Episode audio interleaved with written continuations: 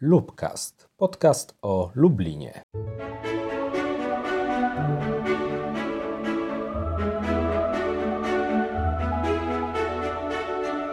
Dzień dobry albo dobry wieczór. Ja nazywam się Jacek Skałecki i zapraszam do wysłuchania kolejnego odcinka Lubcastu. Wychodzi na to, że osoby rodem z Mielca są bardzo wdzięcznymi rozmówcami i rozmówczyniami. W poprzednim odcinku Lubcastu świadectwo temu dał Hirek Wrona, a dziś zaproszę Was na rozmowę z kolejną osobą z Mielca. Z rozmowy dowiecie się m.in. tego, jak studenci z Lublina i nie tylko pomagają wyrównywać szanse edukacyjne najmłodszych uczniów. Zaczynamy. Gościnią 21 odcinka Lubcastu jest Monika Wasilonek, koordynatorka rozwoju programu Projektor. Cześć, dzień dobry. Cześć, dzień dobry.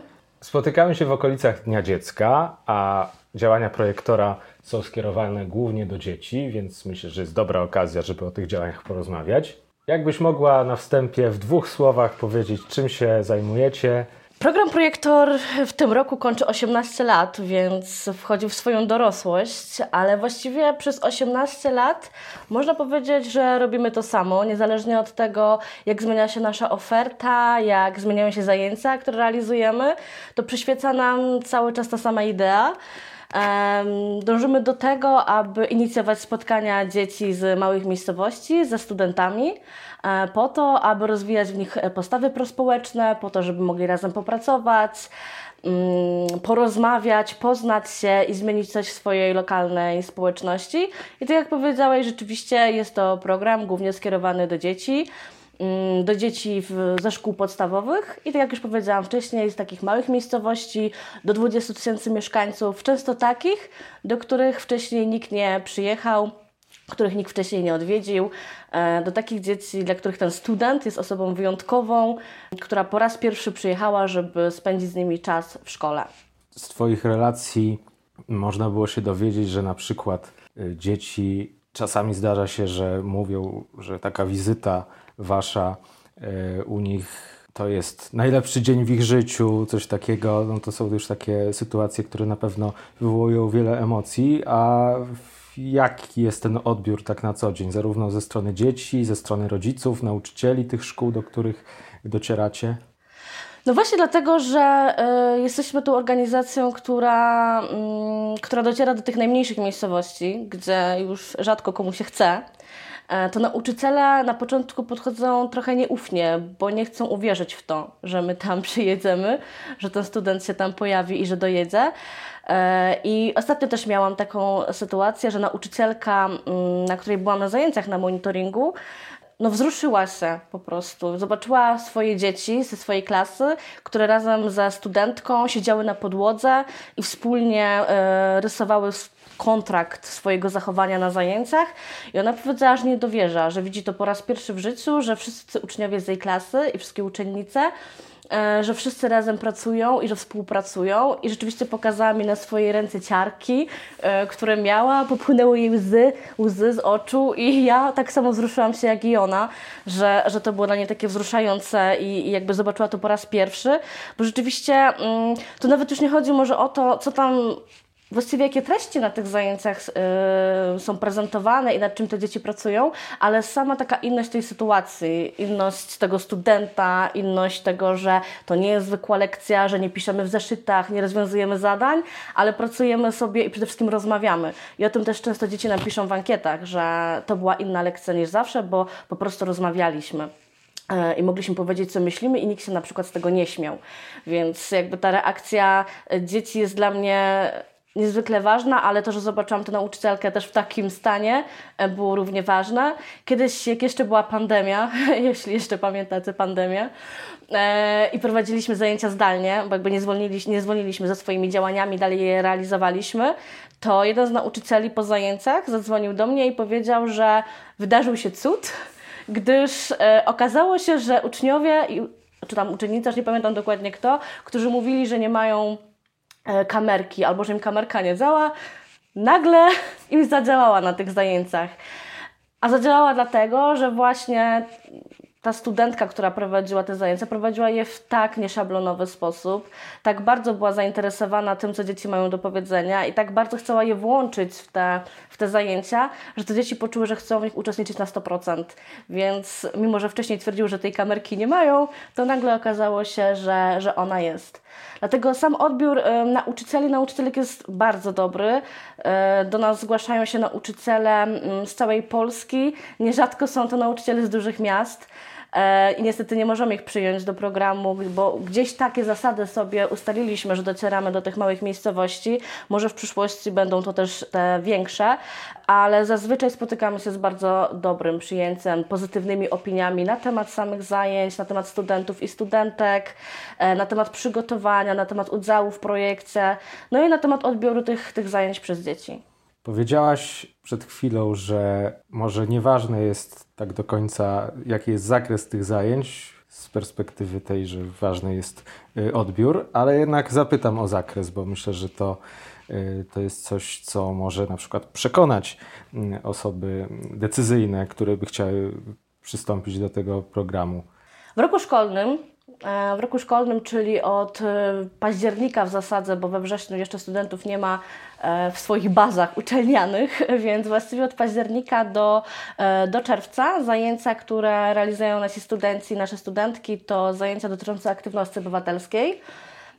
W ramach tej aktywności obywatelskiej studenci, studentki rozmawiają z dziećmi o szczęściu osobistym, o ochronie planety, o świadomości medialnej i wspólnie z dziećmi starają znaleźć, znaleźć największe wyzwania, największe problemy, z którymi dzieci się mierzą w swojej lokalnej społeczności, czy w swojej klasie, czy w swojej grupie, szkole, w zależności od tego, mm, do czego tam dojdzie w trakcie tych rozmów.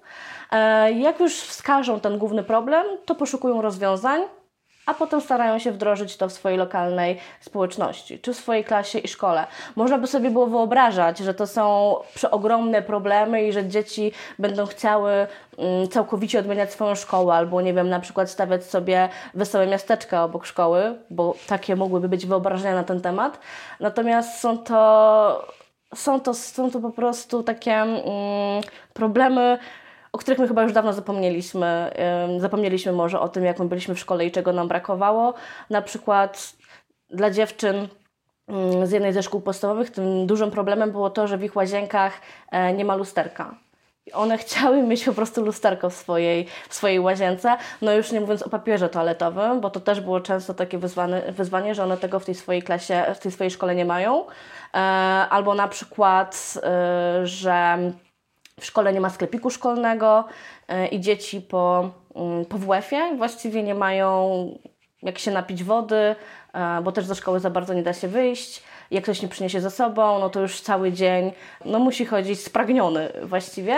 Więc jakby rozwiązaniem tego ich problemu było to, że e, wspólnie wraz z dyrektorem szkoły udało im się, udało im się zakupić dystrybutor wody i za pieniądze chyba z Komitetu Rodzicielskiego dokupywali, um, dokupywali wodę do tego dystrybutora. No i dzięki temu te dzieci po tym WF-ie mogły się swobodnie napić, e, napić wody. I to są takie małe rzeczy, ale dla tych dzieci one są przeogromne i przewartościowe.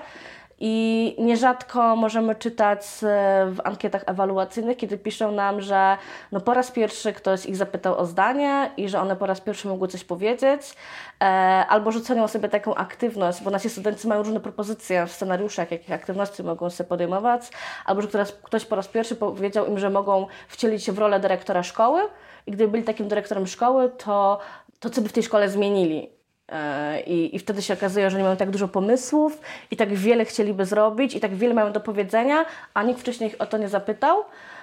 I to jest dla nich wartościowe, wartościowe, że ktoś pyta i ktoś się z tego nie śmieje, co już powiedziałam wcześniej, e, że wysłuchuje no i też dzieci jakoś tak pozytywnie odbierają tego studenta, który tam jest, bo on nie jest e, w roli nauczyciela, on tam nie jest w roli mentora, on tam nie jest w roli wykładowcy. Jest starszym kolegą. Tak, występuje tam w roli starszego kolegi, starszego brata, siostry, koleżanki, który nie tak dawno jeszcze był w tej samej sytuacji, co, co te dzieci. Więc fajnie się wczuwają w te role, fajnie się dogadują z tymi, e, z tymi studentami, studentkami. Obserwuje się to ze, z łezką wokół. Ja na przykład jak widzę, jak te dzieci wchodzą w relacje z naszymi wolontariuszami, wolontariuszkami, to jestem bardzo tym poruszona. Wspomniałaś y, wcześniej o tym, że czasami na początku pierwszą reakcją jest y, odrobina nieufności. Znamy ostatnio przypadki, że organizacje pozarządowe mają trudniej niż kiedyś, bo niektórym się wydaje, że będą uczyć dzieci nie wiadomo czego. A powiedz, czy, czy, czy mieliście takie sytuacje, że spotkaliście się z takim oporem w jakiejś szkole, czy ze strony rodziców, czy nauczycieli, i czy udało się ten opór przezwyciężyć? Trudno powiedzieć. Właściwie nie mieliśmy takich problemów, e, żeby zgłosiło się do nas tyle szkół, tyle klas, ile potrzebujemy, mm, bo to zapotrzebowanie, zapotrzebowanie chyba jest bardzo duże na takie dodatkowe zajęcia. E, ale rzeczywiście zauważaliśmy, że na przykład mieliśmy dużo mniej zgłoszeń z Małopolski, E, gdzie z kolei mieliśmy bardzo dużo studentów i studentek z, z Krakowa, też podobnie jak Lublin, miasto akademickie, więc mieliśmy tam dużo studentów i studentek, a tych szkół było zdecydowanie mniej i gdzieś podejrzewaliśmy, że mogło to być związane z tym, że oni sami mają obawę w sobie e, przed tym, że trzeba będzie się tłumaczyć, że jakaś organizacja pozarządowa e, się pojawi w szkole, że trzeba będzie przygotowywać te wszystkie pisma, że trzeba będzie jakiś program przedstawić, i jakby te wszystkie, ta cała papierologia, biurokracja, która się tam może zadziać, zadziać była zniechęcająca. A my ze swojej strony po prostu przygotowaliśmy wszystko, taki pakiet yy, właściwie, yy, jeżeli by to było potrzebne dla, dla szkół, dla dyrektorów, żeby oni w ogóle nie musieli się tym zajmować. Na zasadzie zgłaszasz się, a my całą biurokrację i te wszystkie trudne rzeczy, trudne sprawy załatwiamy za Ciebie. Więc udało nam się chyba tego uniknąć, ale mieliśmy w sobie dużą obawę, że jeżeli nastąpi taka sytuacja i że trzeba będzie dużo wcześniej takie rzeczy pozałatwiać, to jakby samo funkcjonowanie naszego programu będzie będzie utrudnione, ponieważ zanim ten student mógłby wejść do tej szkoły, no to już byłaby zaraz końcówka roku, e, no i nie udałoby się zrealizować właściwie tych wszystkich zajęć, które, które mogłyby się wydarzyć.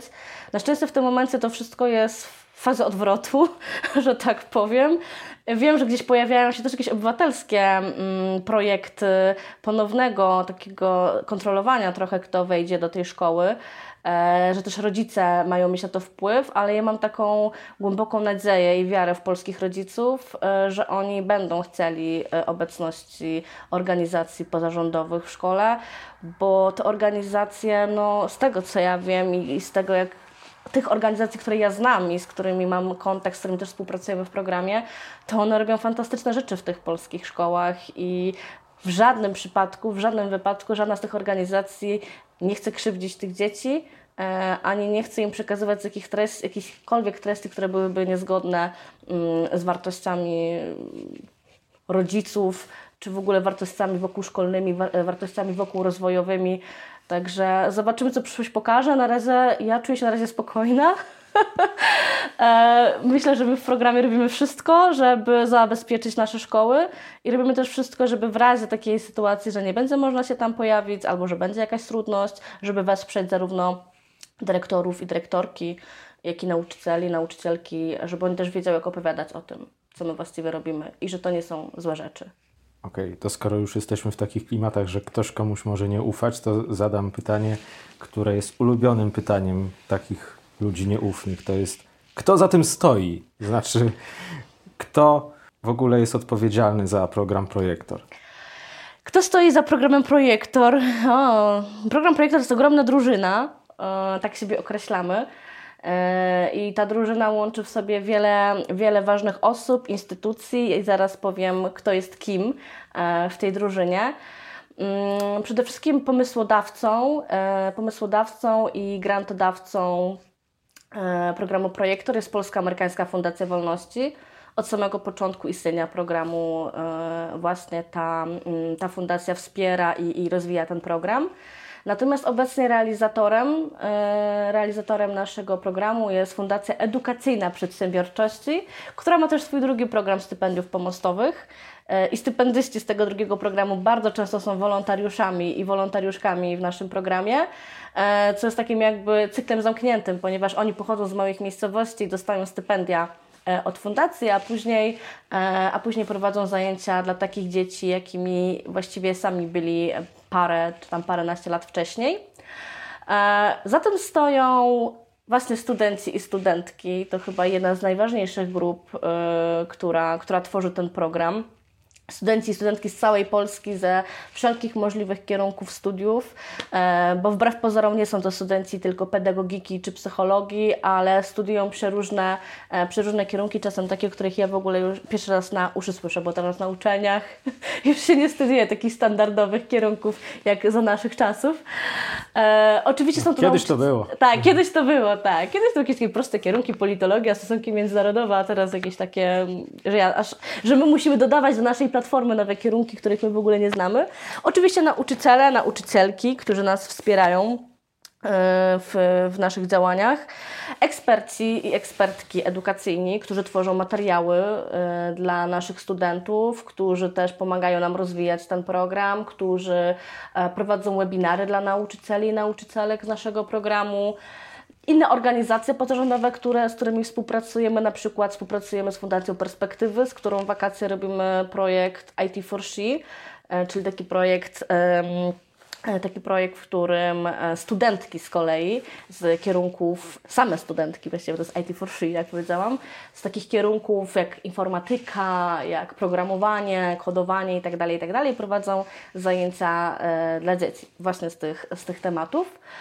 Kto jeszcze? Kto jeszcze? No cały, cały zespół programu, który, który ma swoją siedzibę właśnie w Lublinie, e, więc zespół programu, który, który tworzą bardzo zaangażowani, bardzo mm, zakochani, żebym tak powiedziała, zakochani w tym programie i zakochani w misji ludzie, dla których E, dla których ta nasza misja, którą realizujemy i to hasło uczysz się od dziecka, pod którym się wszyscy podpisujemy, no jest e, ważne, jest prawdziwe i no są to osoby, które dlatego za, idą za tym hasłem i jakby chcą w tym, w tym uczestniczyć, to tworzyć yy, i w tym kierunku rozwijać i dzieci, i polską szkołę, i polską edukację, no i ogólnie społeczeństwo w, w, w Polsce. To teraz przejdę do tematu polskiej szkoły jako takiej, bo myślę, że gdyby ona wyglądała tak, jak chcielibyśmy, żeby wyglądała, no to działalność programu Projektor byłaby troszkę już bezzasadna.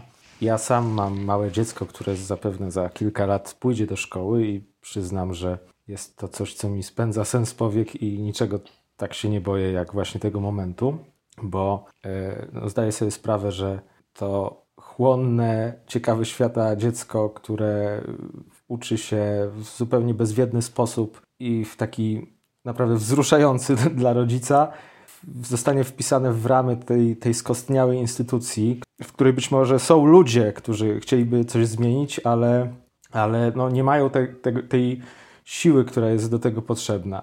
Powiedz mi, czy od momentu, kiedy ty skończyłaś edukację, powiedzmy na tym podstawowym poziomie, to widzisz jakąś zmianę w polskiej szkole, która się dokonała na przestrzeni tych lat? Ostatnio ktoś mi podesłał taki film. Być może go widziałeś, e, być może wszyscy, kto, którzy słuchają tego podcastu, też go widzieli, bądź albo nie. Albo to taki film, który pokazywał samochód 100 lat temu i samochód dzisiaj. Nie pamiętam dokładnie, co tam jeszcze było, ale powiedzmy infrastrukturę drogową 100 lat temu, infrastrukturę drogową dzisiaj. I też pokazywał szkołę i klasę 100 lat temu i szkołę dzisiaj. I o ile te pierwsze wymienione jakby nie przypominają swojej wersji sprzed 100 lat, no to szkoła wygląda tak samo jak e, przed 100 lat, czyli dzieci siedzące w ławkach, widzące swoje plecy, e, zgłaszające się podniesieniem ręki, jeżeli chcą coś powiedzieć, dzieci, które które muszą przyswajać niesamowite ilości różnych informacji, których nie są w stanie przyswoić, a nawet jeśli to na bardzo krótki czas. E, więc jakby ta szkoła, ja, pytasz się mnie, ja nie mam 100 lat, e, pytasz się mnie i wydaje mi się, że od czasu, kiedy ja byłam uczennicą, to ta szkoła niewiele się zmieniła. 100 lat minęło, ona się niewiele zmieniła i w sumie to, co powiedziałeś jest, e, jest szalenie ważne, że to nie jest wina ludzi, którzy są w tej szkole, bo ja poznałam w szkole przefantastycznych ludzi, przewspaniałych, przewartościowych nauczycieli nauczycielki, których jak patrzę na ich pracę, to, to, to, to budzi się we mnie po prostu zachwyt dla tego, co oni robią, za te pieniądze, które za to dostają. Więc e, cały ten system i ta skostniałość, o której, o której powiedziałeś, no, w znacznym stopniu wpływa na to, jak ta szkoła wygląda. I to, co, co też powiedziałeś, że gdyby ta szkoła była piękna, cudowna, idealna, to taki program jak program Projektor nie musiałby istnieć. No i to chyba jest też jakby misja wszystkich organizacji pozarządowych, które istnieją, że one dążą do samounicestwienia się, bo one są po to, żeby ich nie było za, za, za tam parę, paręnaście lat. Jest to dosyć syzyfowa praca, umówmy się. Tak, więc, więc jakby mm, ja bym chciała, żeby ta szkoła wyglądała w taki sposób, żebyśmy jako organizacja pozarządowa nie musieli interweniować. Eee, chociaż nawet gdyby ona była idealna, to może w dalszym ciągu spotkania ze studentami byłyby dla dzieci jakąś, jakąś atrakcją tak naprawdę, co by się musiało, nie wiem, czy o to jest pytanie, czy co by się musiało zmienić w tej, w tej polskiej szkole, e, żeby ona była lepsza, bądź, e, bądź bardziej taka, żebyś ty się nie bał wypuścić swojego dziecka do tej szkoły. E, Myślę, że to jest tak krótka perspektywa, że już przez ten czas raczej zmiana gruntowna nie zajdzie. E, ja, ja sobie z tego zdaję sprawę, ale no, na przykład no, ja, jakby, ja wiem, że ja swoimi rękami i sama pewnie niewiele, niewiele dokonam, ale na przykład e, już powstają takie inicjatywy, na przykład jest sieć organizacji społecznych dla edukacji, SOS dla edukacji, między innymi program Projektor współpracuje, współpracuje z SOS-em. Ja też mam niezwykłą przyjemność współpracować z tymi osobami, ale one opracowały taki pakt e, dla edukacji, który zawiera 10 takich najważniejszych obszarów edukacji, które powinny się zmienić, e, razem z rekomendacjami, e, co właściwie powinno się zmienić, żeby było lepiej. No i jedną z tych rzeczy, o tym co powiedziałam wcześniej, że w szkole są fantastyczni ludzie i są ci nauczyciele, ale to, w jaki sposób oni są traktowani, w to, w jaki sposób oni są opłacani, no dla mnie jest to rzecz niedopuszczalna. Sprawdziłam sobie dzisiaj, jest to, jest to sprawdzona informacja, że średnia zarobku w Europie e, nauczycieli wynosi 25 tysięcy euro rocznie. Natomiast w Polsce jest to 8 niecałe 8 tysięcy euro i jesteśmy w ogonie Europy, tam na przedostatnim gdzieś, gdzieś miejscu, e, a na ostatnim miejscu jesteśmy w kontekście tego, że ta, te wynagrodzenie nauczycieli występuje w stosunku 1,1 do 1 płacy minimalnej e, gdzie na przykład w Niemczech nauczyciel, nauczycielka zarabiają trzy razy tyle co płaca minimalna. I e, rzeczywiście, czy osoba, która jest nauczycielem, nauczycielką, kształci nasze dzieci, jest odpowiedzialna za ich rozwój, za ich socjalizację, za ich udział w społeczeństwie, za to, kim oni właściwie będą w przyszłości, czy takim osobom naprawdę wypłaca się odrobinkę więcej niż, niż najniższa krajowa. Tak naprawdę nauczyciele w ogóle zawód nauczyciela został moim zdaniem w ostatnich latach odarty z autorytetu e, nauczyciele jako jedna z wielu grup zawodowych chciała postrajkować, tak? Chciała walczyć o swoje prawa, chciała pokazać, że ich głos też jest ważny. Wszystkie inne grupy strajkowały. Natomiast nauczycieli potraktowano chyba najgorzej. Dla mnie strasznym, strasznie przykrym widokiem było to, kiedy widziałam e, wpisy nauczycieli, którzy po, e, zawieszony, po zawieszeniu strajku pisali, jakie oni wynagrodzenia dostali na swoje, e, na swoje konta. Zostali potraktowani w sposób, moim zdaniem, no po prostu nieludzki. Tym momencie jest chyba 20 tysięcy wakatów na nauczycieli w Polsce. I ja jestem członkiem takiej grupy na Facebooku, która się nazywa Nauczyciel Zmienia Zawód. I jak widzę, ona gdzieś na początku miała jakieś, nie wiem, 5 czy 6 tysięcy członków. W tym momencie tam już jest chyba za 40 tysięcy osób, nauczycieli, którzy piszą, że odchodzą z zawodu i piszą, dlaczego odchodzą z zawodu. I dla mnie jest to po prostu przerażający obraz e, tego, jak zawód, który powinien być najbardziej szanowany w Polsce, ale w Europie, na świecie, u nas wygląda tak jak, tak jak wygląda i jakby nie jest tak do końca poważany. Przykładowo w Stanach Zjednoczonych e, zawód nauczyciela może konkurować z bardzo wysoko profesjonalizowanymi zawodami. I, I tam nauczyciel to jest wysoko profesjonalizowany zawód. Natomiast U nas jak są takie, nie wiem, jak czytam komentarze, jak Ci się nie podoba, to, to idź na kasę do Biedronki na przykład. No ta osoba kształtuje przyszłego polityka, przyszłego lekarza, przyszłego też może nauczyciela, ale całą przyszłość tego narodu. I tak bym teraz, e, teraz bym powiedziała, zarzuciłabym jakimś takim cytatem e, staroświeckim, że tak powiem, ale na pewno Jacku to znasz, że takie będą rzeczy pospolite, jakich dzieci chowanie. I e, no jeżeli ja słyszę takie historie i widzę, i widzę jak nauczyciele i nauczycielki są traktowani, no to trudno jest powiedzieć, żeby, e, żeby to mogło się rozwijać w dobrym kierunku, bo ci nauczyciele nie mają szansy na rozwój, nie mają szansy na to, żeby się poczuć docenieni, żeby poczuć się jak e, osoba, która w, jest ważna w w tym systemie, w tym systemie oświaty. Więc jakby to był jakby jeden, jeden, jeden, z, jeden z tych postulatów tego paktu, ale, ale w tym pakcie znalazły się też takie um, takie zapisy jak to, że szkoła powinna być miejscem równych szans, różnych, równych możliwości. Między innymi my też jako projektor staramy się wyrównywać te szanse, bo gdzieś to, to nam przyświeca wyrównywanie szans yy, dla tych dzieci, które na przykład nigdy nie mają, znaczy może nie tyle nigdy, ale dla nich dużo trudniej jest pojechać sobie yy, do dużego miasta i pójść do kina, pójść do, do teatru, takiego na przykład jak u nas w Lublinie do Teatru Andersena dzieci mogą pójść, e, no tym dzieciom jest zdecydowanie trudniej, co widzimy po naszych studentach, którzy jak jadą do tej szkoły, to oni nie wsiądą sobie w autobus i tam nie pojadą, tylko jeden autobus, drugi autobus, trzeci autobus, a mieliśmy studenta, który jeszcze 20 km pokonał rowerem. Więc yy, no, takie dziecko ma dużo mniejsze możliwości, więc jakby ta szkoła równych szans, równych możliwości, szkoła, która jest bezpiecznym miejscem dla dzieci. Yy, ostatnio wpadł mi w ręce raport, yy, to było, to, dla mnie to był szok, ponieważ był to raport z 2021 roku, który dotyczył czytania wśród czwartoklasistów. I tam dużo o tym czytaniu było. E, I dla mnie zaskakujące było to, że w pewnym momencie jest rozdział w tym raporcie o dręczeniu w szkole. Nie, nie mogłam sobie w ogóle jakoś tego połączyć, dlaczego jest raport z jednej strony o czytaniu, a z drugiej strony jest dręczenie w szkole. I była tam, e, była tam taka e, informacja, że 75% tych czwartoklasistów nigdy nie zostało pobitych w szkole. No i można by pomyśleć, nie, no, no okej. Okay. Trzy koła dobre, można powiedzieć. Tak. tak. Trójka dzieci jest zadowolonych, tak? Trójka nigdy nie została pobita. No ale to oznacza, że 25%, czyli co czwarte dziecko, które możemy zobaczyć w każdej polskiej szkole, co czwarte dziecko zostało w szkole pobitych. Więc to dziecko nie czuje się tam bezpiecznie, nie czuje się komfortowo. Jak ono ma rozwijać siebie, jak ono ma poznawać świat, jak ono ma rozwijać swoje pasje, zainteresowania, nauczyć się brania świata w swoje ręce, jeżeli ono nie czuje się bezpiecznie w miejscu, które z założenia powinno być takim azylem dla tego, dla tego dziecka.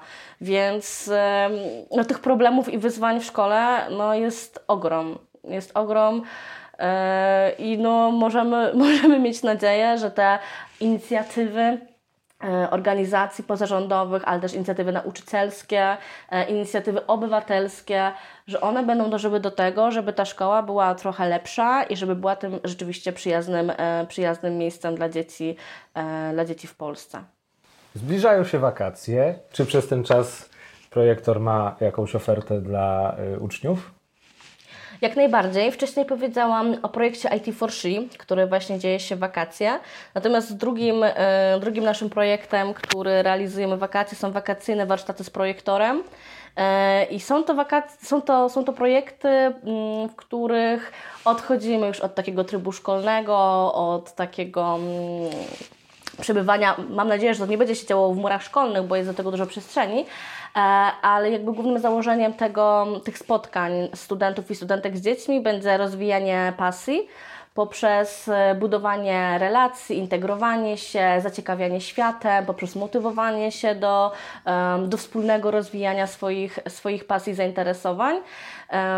Nasi studenci, nasze studentki będą wyjeżdżali na trochę dłużej, e, bo na trzy jeżeli sobie rozłożą w czasie, to nawet 4 dni, 4 e, dni projektowe e, i tam będą e, spędzać długie godziny z tymi dziećmi, pracując, pracując nad tym, żeby znaleźć swoje pasje i rozwinąć swoje pasje. Muszę powiedzieć, że młodzi ludzie mają niesamowite pasje. Ja tam mogę powiedzieć, że no nie wiem, ja lubię grać w gry na przykład, lubię czytać książki i że to są takie bardzo proste pasje, natomiast studenci interesują się mm, kryminalistyką na przykład, jakimś malowaniem e, malowaniem mandali na przykład, E, a same dzieci, kiedy pytamy z ich o pasję, to na przykład może są mażoretkami, I ja powiem szczerze, że ja nawet jak po raz pierwszy usłyszałam, to ja nie wiedziałam dokładnie co to jest, musiałam sobie szybko sprawdzić. Więc młodzi ludzie mają fantastyczne pasje i warto, warto, żeby się nimi dzielili i warto, żeby mm, rozwijali je, ale też przekazywali innym i żeby razem też z dziećmi mogli, mogli nad nim popracować i, e, no i żeby też te dzieci poczuły, że warto mieć swoją pasję i, i warto ją rozwijać. E, warto ją pokazywać innym, bo być może ta pasja w przyszłości stanie się ich e, zawodem. Byleby to nie była szewska pasja. E, o, byleby nie. Przepraszam za ten suchar. Studiowałaś w Lublinie, później po studiach jeszcze nawet trochę zajęć dla studentów prowadziłaś, teraz współpracujesz ze studentami. Powiedz mi, jak słyszysz takie hasło, że Lublin jest miastem akademickim, to co sobie myślisz? Czy to, czy to dalej jest aktualne, czy to już mówimy tak z przyzwyczajenia, czy, czy w czym ta akademickość Lublina, oprócz tego, że tu jest dużo uczelni, się objawia? Jeżeli się objawia w ogóle. Ja myślę, myślę, że Lublin nie jest miastem akademickim. Znaczy to, że tutaj jest dużo uczelni, no to, to na pewno na to wpływa, tak? Bo, bo jest wymieszanie i UMCS-u, i UP, i medycznego, e, i KULU, więc jakby e, i one są tak wszystkie skoncentrowane, te uczelnie, więc, więc ta akademickość na pewno, na pewno jest. Ja gdzieś czuję też, że to miasto jest młodym miastem, tu jest dużo młodych ludzi, właśnie studentów. Oni podejmują wiele inicjatyw, organizują y, różne konferencje, różne wydarzenia i ja jak chodzę po, po Lublinie, po mieście, no to ja czuję tego ducha y, takiej akademickości, tej młodzieży, młodych ludzi ja w zasadzie mogłabym się przenieść gdziekolwiek indziej, gdziekolwiek indziej do innego miasta, do innej części Polski, a e, jakoś mnie tu trzyma ten młody duch, który gdzieś z tego miasta, e, z tego miasta tak się, tak się wyłania. Zastanawia mnie właściwie, dlaczego, dlaczego padło pytanie o to, czy to rzeczywiście tak jeszcze jest, czy tak mówimy jeszcze tylko z przyzwyczajenia. Ja wiem, że, że właśnie po raz kolejny wrócę do pandemii i że wtedy był taki trochę upadek e, i spadek tego młodzieńczego ducha, bo tych młodych ludzi tutaj po prostu nie było. I koncertów juwenaliowych. I nie było tych koncertów juwenaliowych, nie było e, korowodów studenckich, nie było, ale też w ogóle nie, nie widziało się tych młodych ludzi, bo no, uczelnie były pozamykane i ich właściwie oni siedzieli w swoich rodzinnych domach. Nie było godzin dla młodych ludzi w sklepach, tylko dla seniorów. Tak, tego też nie było, ale wydaje mi się, że teraz jak, jak już wszystko wróciło do normy, to i też ci studenci wrócili z tą swoją nową energią, e, z tymi swoimi nowymi pomysłami. Ja uważam, że dalej to miasto jest tym miastem akademickim. Zresztą e, na całe szczęście jesteśmy Europejską Stolicą Młodzieży, więc mamy szansę pokazać się jako takie miasto, które stoi młodością. Dwoje przedstawicieli młodzieży właśnie sobie porozmawiało. Dziękuję za tę rozmowę. Ja się czuję bardzo młodo. Gościnią Lubcastu była Monika Wasilonek. Bardzo dziękuję. Ja również bardzo dziękuję. Kolejny odcinek Lubcastu chyli się już ku końcowi. Dziękuję Wam za jego wysłuchanie, chociaż tym razem powinienem powiedzieć, że ku końcowi chyli się cały rok Lubcastu i dziękuję Wam za słuchanie go przez ostatnich 12 miesięcy. Przez ten czas udało mi się przeprowadzić i opublikować 21 rozmów z nietuzinkowymi i wartościowymi ludźmi w mniejszym lub większym stopniu związanymi z Lublinem. Z pewnością nie robiłbym tego dalej, gdyby wokół Lubcastu nie zgromadziło się pewne grono stałych słuchaczy. Dziękuję Wam, że słuchacie kolejnych odcinków, lajkujecie, szerujecie i mam nadzieję, że jeżeli uważacie moją pracę za wartościową, to będziecie robić to dalej. Zwykle pod koniec odcinka wyrażam nadzieję, że usłyszymy się za dwa tygodnie. Zrobię tak również tym razem i mam nadzieję, że będę robił to przez cały następny rok. Ja nazywałem się i wciąż nazywam się Jacek Skałecki, a to był i jest Lubcast, czyli podcast o Lublinie. Do usłyszenia.